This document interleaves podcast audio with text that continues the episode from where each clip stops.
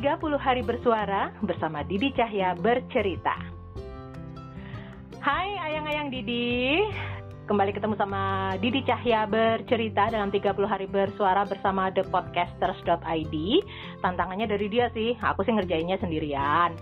Dan di tema hari ini, tema tentang tradisi. Nggak tahu kenapa ngomongin tradisi itu, aku nggak kepikiran tentang kawinan, nggak kepikiran tentang tradisi apa ya, lebaran, tradisi kemarin udah ngomongin mudik. Aku malah teringat pada tradisi ngopi. Ah, kenapa? Karena pada suatu hari, what, aku tuh ngobrol sama seorang teman yang dia itu aku nggak ngerti. Yang jelas di mataku dia adalah mania kopi sampai akhirnya dia berbisnis kopi dan aku sempat protes waktu itu. Kenapa sih orang Indonesia pakai kopi Indonesia, kopi Nusantara, tapi uh, bikinnya pakai V6 lah, pakai eh, V60 atau apa itu aku sampai lupa. Uh, sama pakai apalah, sifon lah apalah. Kenapa nggak? Tuh bro pakai cara-cara Indonesia cara-cara Nusantara. Itu protesku yang paling keras. Dalam artian kita punya kopi Nusantara kopi Indonesia dan tradisinya masyarakat itu punya tradisi tersendiri tentang ngopi. Jadi kenapa kita harus pakai tradisi luar? Kalau tradisi di dalam negeri itu pun sebenarnya sudah bagus perlu dilestarikan dan dikembangkan. Dan sudah ada bersamaku seorang teman yang bernama Andika. Halo Andika. Halo Didi. Oh, akhirnya. Ya beginilah kita jarang ketemu aja lewat telepon. iya benar. Suara-suara telepon begini karena memang nun jauh di sana Surabaya hujan terus, Bo. Ya. Betul.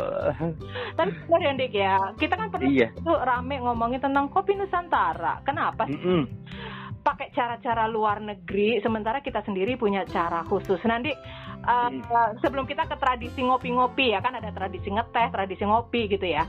Betul. pembuatan kopi ala Indonesia ala Nusantara tuh yang kamu ketahui ada apa aja sih selain tubruk? Selain tubruk itu ada model-model yang kayak uh, taluah dari uh, dari uh, Sumatera. Dia pakai ini pakai uh, telur. Oke, oke, oke. Hmm, kopi jos pakai arang. Oke. Okay. Uh, uh -uh. Terus sama sangar. Uh, tapi lebih kalau aja sebenarnya sangar itu lebih ke ini kopi tariknya. Ya. Oh, oh, kopi tarik itu berarti yang kayak dia punya saringan kayak kaos-kaos kayak gitu yang kain kali bukan kaos. Gue berarti kayak kain molor gitu. Tapi betul. Tadi. Uh, kenapa? Ya, oke, kain apa sih itu sebenarnya?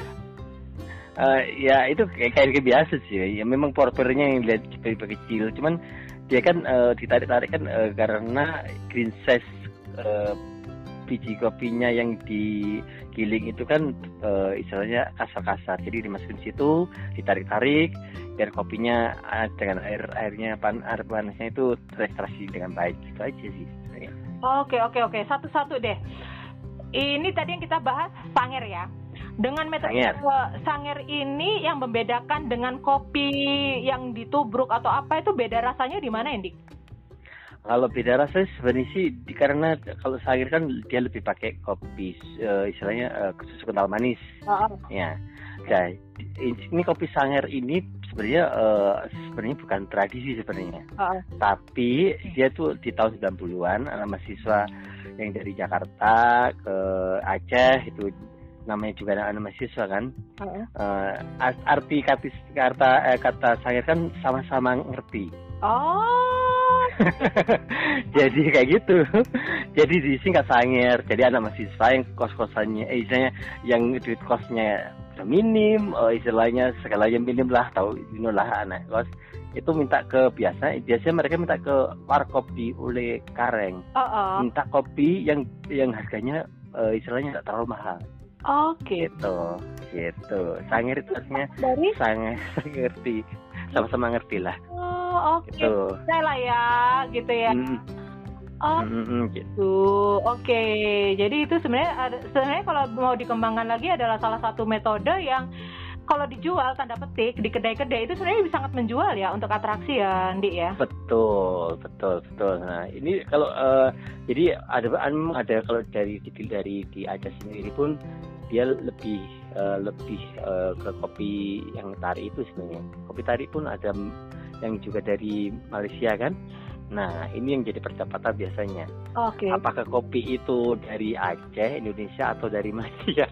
gitu okay. ceritanya. Oke, okay, oke. Jadi masih dipertanyakan juga metode ini. Kalau bisa dibilang kan Melayu ya, itu kan satu rumpun ya. Betul. Melayu. Nah, hmm, betul. Nah, kan di sini kan juga ada pencampuran Melayu juga kan. Oh. Memang penjual gitu. Jadi ya uh, kalau kita pilih memang uh, istilahnya uh, kayak kayak uh, kayak kita menurut ke sejarahnya sih lebih banyak ke Aceh sebenarnya sebenarnya dari sejarahnya ya Mm-mm. Cuman kita kan nggak bahas mana yang diklaim ini milik negara ini milik negara situ. Itu ceritanya. Dan kalau orang banyak taunya kopi tarik dari Malaysia. Betul, ya sebenarnya kopi tarik dari Malaysia, tapi sebenarnya kan uh, dia juga dari Melayu juga kan? Oh, oh ya, Melayu itu tadi ya. Mm -mm, mm -mm, gitu. Jadi sebenarnya kalau kita bicara tentang Melayu masih satu rumpun, tapi kalau kita bicara Betul. tentang batasan negara ini masih dipertanyakan otentik itu dari Aceh atau dari Malaysia. Iya betul. Oke okay, oke okay, okay. Nah uh, kopi sanger. Kalau kita beralih ke metode yang lain ya. Kalau kopi jos itu aku pernah ngerasain di itu mm. yang aku rasakan itu sensasi panasnya nggak habis-habis. Asli. Betul, benar jadi uh, bara yang masuk ke dalam kopi itu bikin kopi itu panas bisa sampai satu jam dua jam loh. Aku sampai itu biasanya masih melepuh loh di lidah. Iya karena kan gini, uh, ketika uh, dikasih arang lah, kan arangnya sendiri kan berbeda dengan arang-arang yang biasa ya. Bedanya? Jadi itu bedanya itu gini, kalau uh, kalau di kopi jus itu kan arang arangnya itu pakai uh, kayu kesambi, sambi kalau orang bilang kesambi. Jadi beda jadi lebih lebih apa lebih bukan lebih menyehatkan sih sebenarnya lebih aman lah aku bilang okay. karena uh, dia uh, kalau pohon kesambi sendiri sih kalau dilihat dari air panas -oh. itu dia uh, menyerap ini uh, karbon aktifnya jadi oh. lebih lebih lebih apa ya lebih, lebih nyaman lah aku bilang daripada uh, yang kita berita di sini lah katakanlah di Surabaya gitu ya oh. memang banyak anggaran Jogja gitu oh. tapi uh, kebanyakan mereka ya aku nggak bilang kebanyakan juga sih rata-rata mereka yang uh, istilahnya di atas sejarahnya dan segala macam mereka pakai arang biasa gitu oh. dan arangnya kecil nah sedangkan kalau di Jogja itu oh. kan arangnya itu kan dia kan besar kan ya besar besar banget ya, uh -uh. nah kalau di sini kecil gitu jadi kita bisa bedain mana yang mana yang asli mana yang enggak itu mungkin dari dari orangnya. Dan kalau bicara tentang karbon aktif karbon aktif itu kan yang dia biasa untuk nyerap racun kalau kita lagi diare. Betul. Nah itu itu memang bagus sih. Cuman memang nggak disarankan untuk setiap hari. Iya. ya hanya sewaktu-waktu aja lah. Tapi bener-bener aku aku akan uh, nongkrong di kopi Jos Jogja itu hmm. hanya kalau memang mau nongkrong baru aku pesen itu. Hmm. kan awet tapi kalau mm sebentar aja uh, mm. jos di situ rugi karena apa rugi. bilang kita udah harus pergi. Iya bener. kalau biasanya kalau di kopi jos kan di paling banyak itu kalau di daerah stasiun Tugu ya. Iya, ya. di situ sih kalau aku dekat rumah juga di situ tinggal jalan kaki. Nah coba cari yang uh, warungnya uh, war, uh, angkringannya Pak Agus di situ. Ah, Lebih enak di situ. Di mana itu? Jadi seberang pas seberangnya stasiun Tugu Jogja itu. Yang kalau misalnya pagi itu tempatnya soto-soto itu. Betul. Nah, kamu tahu ya? Oh. Kamu sering ke Jogja ya? Emang ya, saya di bumi Jawa ya. oh, gitu. Eh, tapi ngomong-ngomong soal kopi jos, itu sebenarnya bukan dari Jogja. Dari mana? Dari Klaten. Oh. Oh. Jadi gini ceritanya ceritanya gini. Gimana? Tahun 80-an tuh si ada seorang penjual penjual kopi lah. Dia bukan bukan kopi yang bilang parkop lah. Parkop tapi yang lebih banyak makanan sebenarnya dia. Kalau terus kalau Solo tuh hit ya. Kalau ini angkringan um, ya. Hmm? Kalau kalau Solo kan namanya he, kalau Jogja angkringan. Hmm, hmm, hmm, betul. Nah, okay, okay. jadi dia tuh mau jualan di stasiun Tugu. Akhirnya jualan di depannya stasiun Tugu tahun 80. Oh. Nah, kebetulan orang itu uh, pes, uh, minta pesen kopi klotok gitu ceritanya. Uh -uh, uh -uh. Nah, dia sedang sedang uh, kalau nggak salah itu namanya mm, Leman ya. Uh -uh. Ya, jadi, jadi dia nggak bisa bikin, dia bikin inovasi yaitu Oh, gitu. Nah, jadi kopi Jogja itu bukan dari Jogja, dari Klaten. yang hijrah ke Jogja dan dia mm -hmm. menggunakan metode itu untuk dijual di Jogja. Hmm, sebenarnya orang dari Klaten gitu aja ya, orang bilang. Oke. Okay. Gitu. Oke, okay, itu kan ayang-ayang Didi nggak salah kan kalau aku menjadikan dia sebagai tamu di Mas, aku tuh masih newbie, masih belajar juga gitu. Manusia kan harus terus belajar. Banyak dari akun, Dik. aku baru tahu. Oke, okay, jadi itu ya. Gitu. Oke, okay. oke. Okay. Jadi kalau kita bicara tentang kopi jos sebenarnya itu dari Klaten gitu ya. Hmm, ya orang Klaten lah orang bilang, orang bilang Klaten, bukan dari Klaten. Klaten hijrah ke Jogja. Aku baru oh, tahu, aku aku baru tahu. Nah, serius? ya benar benar. serius. Katanya orang Jogja punya rumah kan. kan kok aku balik ini ceritanya. Ketahuan deh aku Jogjanya abal-abal. Oke, okay. kota luar yang apa? Uh, talua itu kan tel, uh, telur ya, talua. Telur. Iya, eh, yang apa? Uh, talua. Talua ya. Iya, mm -hmm, telur. Nah, Jadi yang diambil tuh mana? kuningnya. Oh. Oh kuning kuningnya. Oke. Okay. kuningnya aja diambil, dia dikocok. Okay. Terus habis itu uh, ada kopi, uh, kopi panas dikasih uh, apa istilahnya kayu manis oh. sama susu kental manis mm -hmm. campur sudah gitu tapi kalau biasanya orang agak mual atau kan biasanya kan kalau melihat kuning telur kan pasti mual ya betul betul atau istilahnya uh, sugesti lah kadang-kadang oh. nah, terus itu dikasih uh, bagi beberapa orang itu dikasih jeruk nipis untuk menghilangkan itu Nah itu, itu ceritanya. kan jadi kayak gini ya, kayak kalau kita bikin jamu pakai telur ayam kampung gitu ya? Betul, hmm, betul, betul. Kenapa? Enggak sih, amis enggak sih? Uh, nah ini telurnya harus ayam kampung kan cuman kalau terlalu uh, terlalu muda sih juga nggak bagus sih uh, uh, ya biasanya kan yang yang setengah setengah apa ya uh, ada bintik-bintiknya itu loh oh. kalau nggak salah ya iya itu salah. ya mm -mm, gitu jadi jadi pemilihannya pun berbeda gitu ini kan dari yang kalau kalau yang dari yang sebelahnya sama-sama Sumateranya uh -uh. yang Padang itu uh, namanya kopi kawah beda lagi. Oke. Okay. ini yang paling unik aku bilang ini paling unik bener paling unik Karena? dibandingkan yang lain gitu. Uniknya cara pembuatannya beda. Kenapa? Uniknya kenapa? Bedanya di mana? Hmm, jadi yang dipakai itu bukan kopinya. Hah? Nah, serius? Jadi pohon eh, kan ada ini ya bukan pohon sih ini tuh uh, kopi robusta. Uh tapi yang dipakai itu adalah daunnya dan batangnya Ah, diapain? Uh, diasapin, jadi sampai kering gitu. Ah. Terus air panas dimasukin, jadi rasanya lebih uh, lebih ringan, uh kayak teh, tapi masih aroma kopi dan beneran. Oh, aku pernah, aku pernah dikasih tuh testernya. Jadi serius? Iya, iya, iya, aku pernah waktu itu ya kayak festival kopi gitu ya. Jadi, mm -hmm, betul, ya. Ha. Ah, di ya. rumah teman, di ini ini uh, bukan kopi tapi rasa kopi gitu. Cuman aku mm. ya you know lah gue kalau nggak duduk mm. face to face mata ketemu mata orang mau ngomong apa gue nggak ingat gitu kan. Aku jadi ingat bahwa ada bagian-bagian dari pohon itu yang bisa dimanfaatkan sebagai minuman. Hmm, bagian betul. batang dan daun tertentu dari robusta ya. Iya robusta. Kalau pakai yang uh, arabica dia rasanya lebih hambar Arabica gitu. itu ya menurutku ya Arabica itu Hah? enak karena e, berbeda unsur hara, berbeda rasa. Tapi memang kalau suka sama rasa kopi yang kuat memang robusta sih ya minumnya ya. Betul. Kalau Arabica itu lebih kepada mereka yang belajar minum kopi deh menurutku.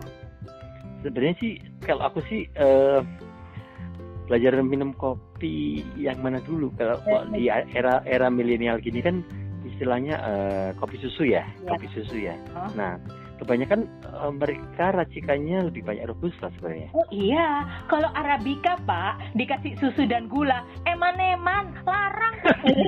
Serius.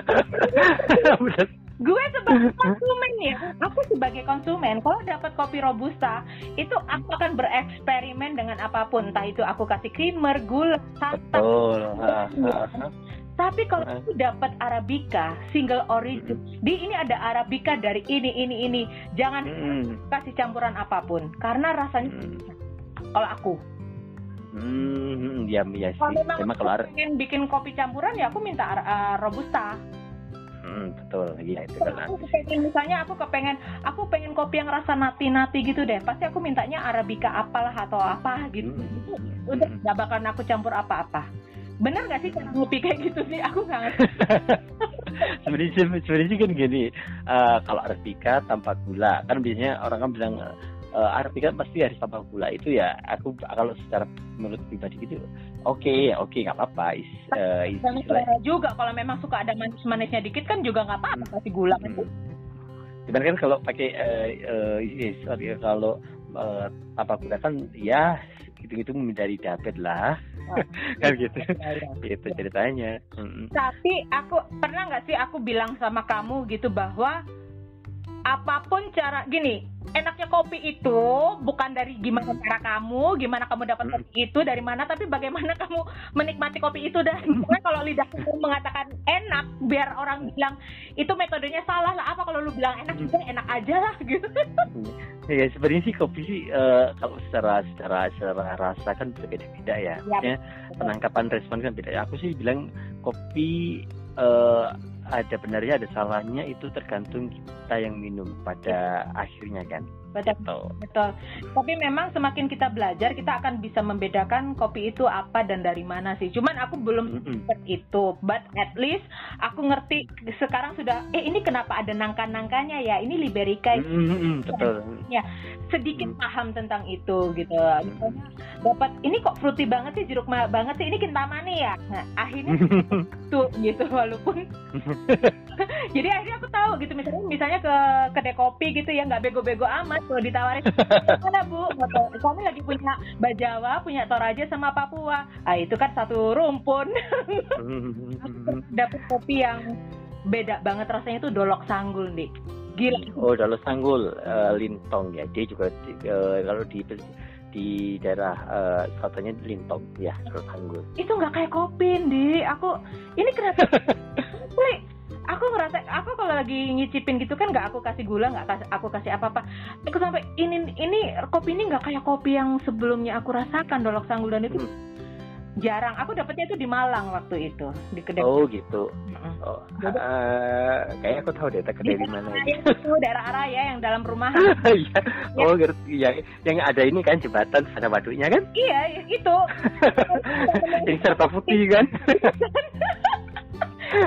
kopinya enak aku suka oke okay, kita ke ini uh, itu tadi kan kita bicara tentang metode bikin kopi Andi ya Iya. Sebenarnya tradisi minum kopi itu kan kayak misalnya di mana sih di Bangka Belitung ya. Kalau pagi-pagi orang-orang pada sarapan, pada ngopi kayak gitu itu sebenarnya mm -hmm. di Indonesia tuh ada kopi itu merupakan mempunyai tempat tersendiri ya. Sebelum kita rame kopi kekinian loh. Mm -hmm. Hmm. Uh, ini nggak sempat sempat memantau nggak daerah-daerah mana aja yang punya budaya untuk ngopi bareng gitu selain Bangka Belitung gitu?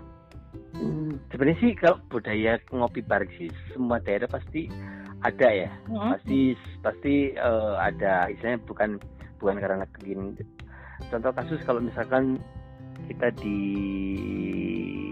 uh, Lampung ya, Lampung ya Lampung, okay. Lampung, Bengkulu, Medan. Nah. Okay mereka kan ngopi itu dengan uh, buah duriannya. Gitu. Oh, oh iya iya iya benar benar. Masih ingat kan? nah, salah satu salah satu daerah memang ada yang untuk istilahnya untuk uh, duriannya dimasukin di kopinya atau dicocol waktu panas. Oke, okay, uh -uh. Nah, kalau yang uh, kebanyakan kalau yang uh, Eh, menurut mereka yang dicocol itu untuk vitalitas laki-laki. Makanya banyak yang nongkrong di situ. Terus kalau yang di celup itu memang kopinya tak, uh, bukan nggak perlu sih. Istilahnya eh, nggak uh, pakai gula pun uh, istilahnya bagus. Eh, buat cewek itu enak gitu. Katanya. Okay. bagi yang suka durian loh ya. Iya iya gitu. iya iya ya. jadi setiap tempat itu uh, punya komunikasi sendiri-sendiri itu uh, istilahnya nongkrongnya pun sendiri sendiri gitu. Hmm. jauh sebelum ada kopi kedai susu kekinian. Uh, uh, uh, uh, uh. Nah, gitu. Gitu kalau aku bilang. Jadi memang rata-rata sih uh, apa sekarang lebih booming ke ya kopi susu kekinian karena anak anak milenial juga nggak mungkin lah anak milenial uh, nongkrong di warkop kan tapi jadi bahwa yang uh, apa namanya yang terjadi sekarang ini kedai kopi bertebaran di mana-mana sampai akhirnya mengalahkan uh, stand teh kekinian. Itu memang ada strategi dari orang-orang uh, apa ya katakanlah perkebunan untuk menciptakan satu pasar gitu. Karena kan itu uh, banyak orang anak-anak uh, yang suka kopi mereka masih image-nya adalah kopi yang enak itu diekspor kita nggak punya kopi enak mm -hmm. gitu ya mm -hmm. PR-nya mereka mm -hmm. kolaborasi bersama para petani kopi itu untuk bikin uh, kedai kekinian dan akhirnya demand untuk kopi itu meningkat apakah memang emang ada strategi seperti itu kalau strategi pemas eh, menurut menurut aku ya kalau strategi pemasaran dari dulu itu memang kopi memang sebenarnya untuk semua kalangan kan ceritanya ya anggap aja uh, kita waktu SMP aja sudah ngicipin kopi oh. rasanya uh, jadi bukan karena strateginya yang bagaimana tapi memang lebih ke kulturnya gitu ceritanya uh -uh, uh -uh. Ya, jadi uh, jadi orang lebih cepat bisa menangkap apa ya istilahnya kayak uh, jadi dikasih sesuatu yang sudah uh, sudah bagi mereka uh, menjadi kultur mereka gampang gampang lah untuk untuk istilahnya bikin uh, apa ya istilahnya kayak segmen pasar itu lebih cepat gitu. Hmm. Nah kebetulan kebetulan uh, untuk penjajakan kopi susu ini kan ke arah milenial. Hmm. Kalau anak milenial di kopi yang biasa, istilah kopi hitam dan segala macam, mereka bakalan istilahnya ya ada yang nolak ada yang enggak lah. Ya. Nah inilah yang yang jadi yang jadi boomnya di sini sebenarnya hmm. kopi susu kekiniannya. Tapi kalau kopi susu aja oh. mereka sudah mengenal gitu ceritanya. Inovasinya adalah uh-uh. kekiniannya itu kekiniannya mereka pakai gula aren. Gula yang... aren, airnya dipadu sama pandan, airnya dipadu. Mm -mm, betul, ya. Mm -mm. Kan lebih manis kan? Karena anak-anak anak-anak kekinian kan sebenarnya lebih manis-manis banget gitu ya. Kayaknya ya lebih cepat diterima. Kalau aku dibilang untuk uh, istilahnya uh, untuk istilahnya karena demam dan segala macam kalau aku sih bilang ini memang memang sudah sudah eranya anak milenial naik tingkat dari warkop lah okay. ya, istilahnya kita beri kopi sasetan lah gitu okay. ya, plus ini ada pengaruh juga dari anak anak-anak uh, milenial gen uh, Y Gen Z ini yeah. itu sering nonton drakor dan nonton idol mereka bawa gelas kopi. Jadi uh, hmm. uh, apa ya? Ada scene-scene bahwa kopi itu di sana lagi ngetren, lagi nge-hype mm -hmm. gitu ya itu itu hmm. secara bawah sadar buat milenial yang sering ini akhirnya ke situ arahnya. Betul, ya. Secara ya ada memang sangat berpengaruh. Jadi selain dari dalam kita juga ada serbuan dari luar tentang budaya ngopi kekinian. Nah, pertanyaanku terakhir ya, ini terakhir melihat dirimu sebagai pengamat kopi dan aduh, bukan. Aku cuma entusias saja. sebagai temanku diskusi tentang perkopian ini gitu ya. Oke okay lah. Uh, gini, aku tadi sempat menyebutkan uh, Sifon, V60 dan mm. satu. Jadi gini, kalau ngomongin kopi internasional orang ingatnya Brazil, gitu kan? Mm. Mm. Ngomongin metode ngopi orang ingatnya Vietnam drips, ya, mm. ya nggak sih? Mm. Gitu. Pertanyaanku mm. adalah, akankah metode pembu uh, uh, metode pemrosesan kopi ala Nusantara ini bisa tembus keluar? Menurutmu? Hmm, kalau kalau di Aceh uh, yang tari oke okay. oh. aku bilang ini sudah keluar oke okay. oke okay. nah, terus kalau yang orang yang uh, tanpa sadari sebenarnya kopi tubruk uh -uh. itu sudah dibawa di luar karena untuk biasanya untuk cupping juga cupping kopi yes yes nah itu sebenarnya sih sebenarnya sih gini kenapa kenapa uh, kita kita punya kopi bagus lah kopi bagus istilahnya metodenya banyak yang berpulau-pulau dan segala macam uh-uh. kita nggak bisa menjadi sebuah ikon di luar. Uh-uh. Uh-uh. Ya, kenapa? Karena ya gitu seperti seperti dirimu bilang bahwa kalau kopi susu itu karena ada beberapa yang dari Korea dan segala bla bla bla bla bla terakhir dalgona bener kan? Iya iya iya. itu terus si kalau kalau menurut pandanganku sih orang si orang sini ya ya walaupun tidak, tidak semuanya. Tapi lebih tertarik untuk istilahnya ini aku dari luar gitu. Lebih prestis lah istilahnya. Ya, ya, ya, ya. apa pun itulah entah itu itu kopi hmm, kopi Aceh. Padahal oh. kopi Acehnya dari dari luar. Padahal tanamnya di sini gitu loh. Iya iya iya. itu ya ya ya lebih lebih bangga ya kita kalau kita sama-sama tahu lah kalau uh. sini memang lebih bangga produk dari luar. Betul gak uh. Uh, yeah. Jadi nggak salah kan kalau misalnya aku sakit hati saat makan kopi dengan metode Vietnam Drip yang pas hmm. ngombe, iki lo kopi susu. eh, iya nggak sih? Maksudku loh. Itu kopi susu, Cin. Vietnam Drip. Oh itu lo susu kental manis dikasih kopi. Iya. Oh, iya nggak sih? Iya, di sini tuh ya juga terkenal banyak kopi susu kita tuh yang yang kental manis juga banyak. Aku tuh gini, uh, oke okay, ini Vietnam Drips, oke okay, apa bedanya sama kopi susu biasa? Ya alatnya aja beda, rasanya podo. Iya, memang gitu sih. Iya kan?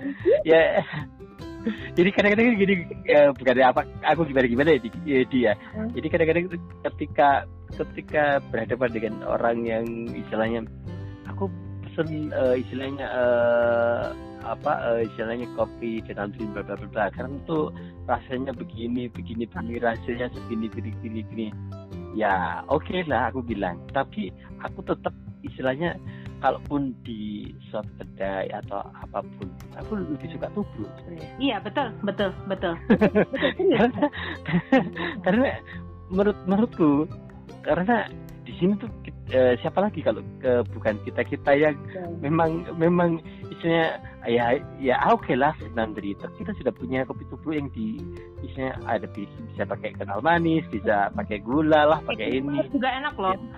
hmm, hmm. Gitu. makanya kan kita juga menghadapi orang seperti itu ya diain aja lah okay. daripada ribut soal kopi. Uh, uh. Nah, gitu. Udah sampai di lidah sampai di perut ya udah sama aja gitu kan. Nah gitu. Okay. Bedanya sebenarnya nggak nggak seberapa banyak sebenarnya. Berarti perjuangan kita untuk uh, apa ya uh, kita aku ingat waktu di pagar rumahku kita ngobrol bahwa yuk kita biarlah orang-orang mau pakai metode pun kita kalau memang mau mensosialisasikan kopi tubruk atau membuat kopi dengan cara kopi nusantara dengan cara nusantara ya just hmm. aja gitu. Nggak usah memaksakan diri kita punya kedai kopi yang harus punya mesin kopi puluhan juta rupiah. Ya, ya, berapa gitu. kan. Hmm. jadi hmm. Eh, mungkin lebih kepada teman-teman pengusaha kedai kopi untuk jangan berkecil hati untuk menggunakan meneruskan tradisi membuat kopi Betul. di Nusantara. Itu kan maksudnya? Setuju. iya setuju. kan? Jadi kalau aku akan lebih menghargai kalian yang bersusah payah belajar bikin kopi sanger kopi iya. untuk menjadi atraksi kalian di kedai kopi. Bukannya aku tidak menghargai mereka yang punya mesin kopi ya tapi itu jadi nilai tambah untuk membudayakan kopi Nusantara kita menurutku gitu sih. Menurutmu kamu sepakat? sepakat. Kamu nggak ngajakin podcast lagi loh, Di. iya, iya. sepakat lah. Oh ya, ini satu lagi uh, di, di informasi. Okay. Jadi uh, iya, ada lagi selain yang dari tadi kita bicara yang uh, kopi dari apa kopi kawah dari uh, Padang itu ya. Uh. Uh, itu ada lagi yang kaskara. Oke, okay, apa itu? Nah, jadi kaskara itu kayak kulitnya kopi, jadi udah kering gitu kan. Itu nanti kita kita uh, uh, setelah digering kita aduk di air panas ya kayak teh gitu sebenarnya. Di yang aku rasain itu yang kaskaran di. Yang mana? Yang ke uh, temenmu ya? Yang pernah aku rasakan tuh kaskara. Aku baru ingat. Oh kaskar, kaskara. Uh, itu enak gitu. Bet betul. Aku udah ngerasain, bener. Jadi makanya aku, uh. makanya aku aku bingung.